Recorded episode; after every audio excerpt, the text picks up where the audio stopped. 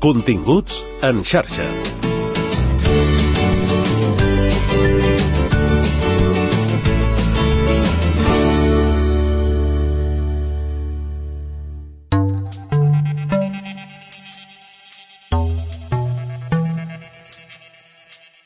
Investigadors del Departament de Bioquímica i de Biologia Molecular de la Universitat Autònoma de Barcelona i de l'Institut de Neurociències de la UAB i de l'Institut Català de Nanociència i Nanotecnologia han desenvolupat un material innovador per lluitar contra la propagació de patògens, infeccions i la resistència als microbians, inspirat en les substàncies que secreten els músculs per adherir-se a les roques, es pot emprar com a recobriment per protegir teixits sanitaris i suposa una alternativa eficaç en materials d'ús comú com el paper, el cotó, les màscares quirúrgiques o les tiretes comercials. La investigació es publica a la revista Chemical Engineering Journal. En parlem amb el primer autor de l'article, l'estudiant de doctorat del Departament de Bioquímica de Biologia Molecular, José Bolaños Cardet. Benvingut. Encantado de estar aquí. ¿De qué está hecho este nuevo material y qué uso tendrá? ¿En qué uso habéis pensado para él? Pues la verdad que está hecho por dos moléculas. Eh, bueno, depende de qué reactivos estemos utilizando, pero es un, es un recubrimiento muy sencillo de hacer. Eh, básicamente estamos usando eh, un catecol, que es ahí lo que estamos comentando, de que está basado en los mejillones, porque los mejillones, el tiso que tienen estos, estos hilillos al final, eh, son muy ricos en moléculas que son parecidas a los catecoles y eso es lo que actualmente le da esta adhesión tan fuerte a la, a la, a la roca. Entonces, una parte de nuestro, de nuestro compuesto está, estará basado en estas moléculas y otra en un ligando que lo que hará es unir estas moléculas entre sí. Uh -huh. Y me estabas preguntando también cuál sería su ¿Qué aplicación. uso? Sí, ¿cómo lo aplicaréis? Bueno, la verdad que se podría aplicar en muchísimas, en muchísimos campos diferentes. En nuestra investigación lo que hicimos fue, de hecho, utilizar diferentes materiales para decir que se podría utilizar en diferentes campos. Por ejemplo, usando papel, el típico papel que, usa, que utilizamos para, para, para escribir, eh, podríamos estar eh, limpiando superficies, ya que este papel absorbe el agua, pues esta agua que estuviese contaminada se podría limpiar. Por ejemplo, también en algodón que podemos encontrar en nuestra ropa, como en la pata de, de laboratorio, haría que en el caso de que sude, de que sudesen, de, de, que sudáramos o incluso que se mojase, eh, podría ser que esta ropa fuese antibacteriana. También en el caso de las mascarillas, que las hemos estamos utilizando todo este tiempo, estos años, eh, están hechas de polipropileno, que es un plástico, que al recubrirlo con este, con este recubrimiento haríamos que la mascarilla también fuese antibacteriana. O incluso con las tiretas comerciales, que están hechas simplemente para absorber todos estos líquidos que, que generamos cuando estamos eh, cubriendo una herida, pues haría que esta telita fuese antibacteriana y evitaría que tuviese infecciones. Por lo tanto, es como un, un, recubrimiento, digamos, pero es como invisible para entendernos, ¿no? Es decir, realmente no, no se vería, no, no, no habría una capa que, que, que, que se fuera visible, ¿no? Es una cosa como... ¿Me entiendo que es eso? Eh, bueno, se podría ver. Eh, de hecho, el grosor es 100 veces más fino que el de, que el de un pelo, pero como estamos recubriendo un tejido, es decir, un tejido con fibra, algo como el algodón, pues sí que podría haber un cambio de color. Pero algo muy bueno es que dependiendo de los reactivos que tú utilices para la reacción, puedes tener un recubrimiento que sea naranja, que sea marrón, que sea turquesa, que sea rosado, por lo cual es muy interesante porque incluso si lo queremos utilizar en nuestra piel, podemos utilizar una mezcla específica de ellos para generar nuestro, nuestro tono de piel. Muy bien.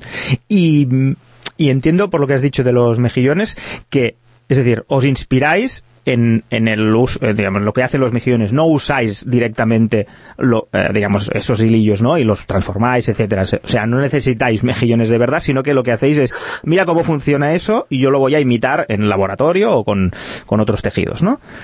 Sí, sí, sí, correcto. Anteriormente, en el pasado sí que eh, se solían extraer todos estos compuestos interesantes de los animales o de las partes o plantas específicamente, pero ahora, hoy en día, por suerte, eh, muchas compañías eh, farmacéuticas, por ejemplo, se encargan de eh, sintetizar moléculas que son las mismas que podríamos encontrar en, en, esto, en estos animales o en estas plantas de forma industrial. Así que nosotros en este caso solo tenemos que comprárselas a ellos y después mezclarlas, es decir, hacer nuestra creación.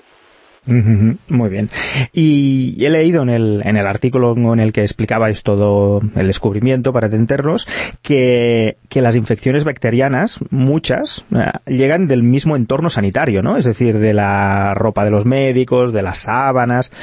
Claro, esto es, por un lado, mm, ostras, eh, vale, hemos encontrado una solución, pero uff, da un poco de, de cosa, ¿no? Que sea el propio entorno médico que provoque muchas de las infecciones esto al fin y al cabo pasa por la propia selección natural. Eh, al fin y al cabo, en los hospitales es donde más cantidad de antibióticos existe, donde más limpieza hay, por lo que todas estas bacterias van al fin y al cabo a desarrollar un, tipo de resistencia. Es ahí nuestra intención de no estar utilizando más antibióticos ni otros tipos de materiales eh, o compuestos a los que las bacterias pueden desarrollar resistencia. Es más, digamos que nuestro tipo de efecto bacteriano eh, es algo muy parecido a lo que hace el agua oxigenada, el agua oxigenada que usamos para las heridas y demás. Entonces, sabemos que va a ser muy complicado que las bacterias generen un tipo de, de resistencia.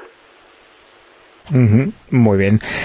porque ahí está otro de los kits del, del, descubrimiento, ¿no? Que ya en este, en este espacio, en este podcast, hemos hablado más de una vez, porque veo que cada vez más es una de las prioridades dentro de la investigación médica, que es luchar contra las resistencias bacterianas, ¿no? ¿Cómo conseguimos, eh, y he hablado desde distintos puntos de vista y vosotros aportáis uno, uno distinto que también es muy interesante, ¿no? Que es proteger los tejidos o los materiales para que no, no propaguen las, las bacterias y tal.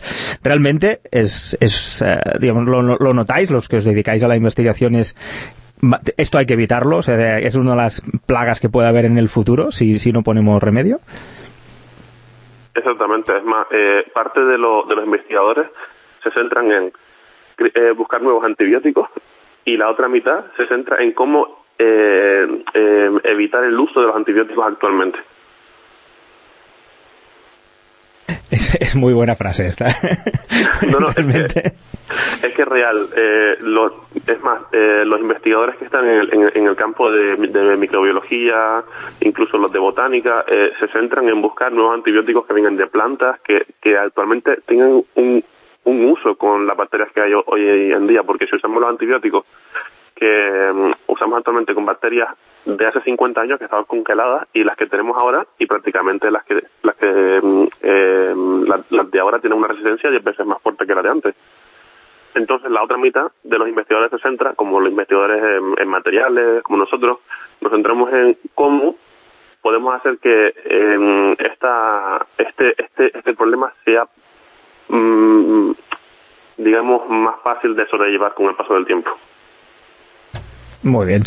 Y, la pregunta que, que, siempre hacemos los periodistas en casos como este es, ¿cuándo podremos ver aplicado vuestro descubrimiento, diríamos, a la, a la clínica habitual, al uso, al uso habitual, en vuestro caso, ¿no? De, de, eso, ¿no? de, este protector de, bacterias.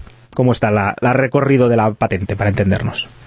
Pues la verdad que ya incluso, ya esta investigación ya la, ya la, ya la terminé, pero hay otros doctorandos que están llevando a cabo el proyecto con compañías para hacer escalado, probar con diferentes tejidos, nuevos métodos para hacer el, recubrimiento. Honestamente, eh, algo que hemos intentado llevar a cabo durante esta investigación es hacer una síntesis que sea muy eh, adecuada con el medio ambiente, que no utilices eh, reactivos o solventes que sean malos, perjudiciales. Eh, también algo que sea sencillo de hacer.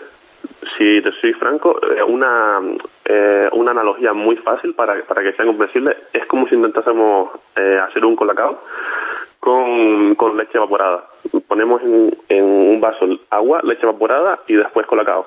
Lo mezclas, espera 24 horas, pones un material dentro y después de esas 24 horas tendrías un recubrimiento. Es algo muy sencillo de hacer, por lo que creemos que también eh, esa sencillez, el, hecho de que sea eh, adecuado con el medio ambiente, favorecerá a que esta tecnología se pueda llevar al mercado mucho más rápido.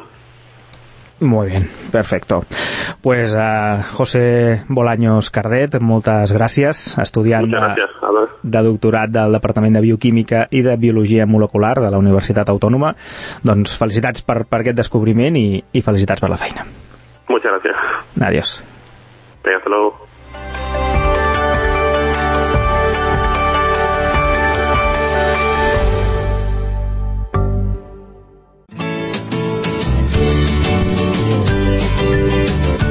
Continguts en xarxa.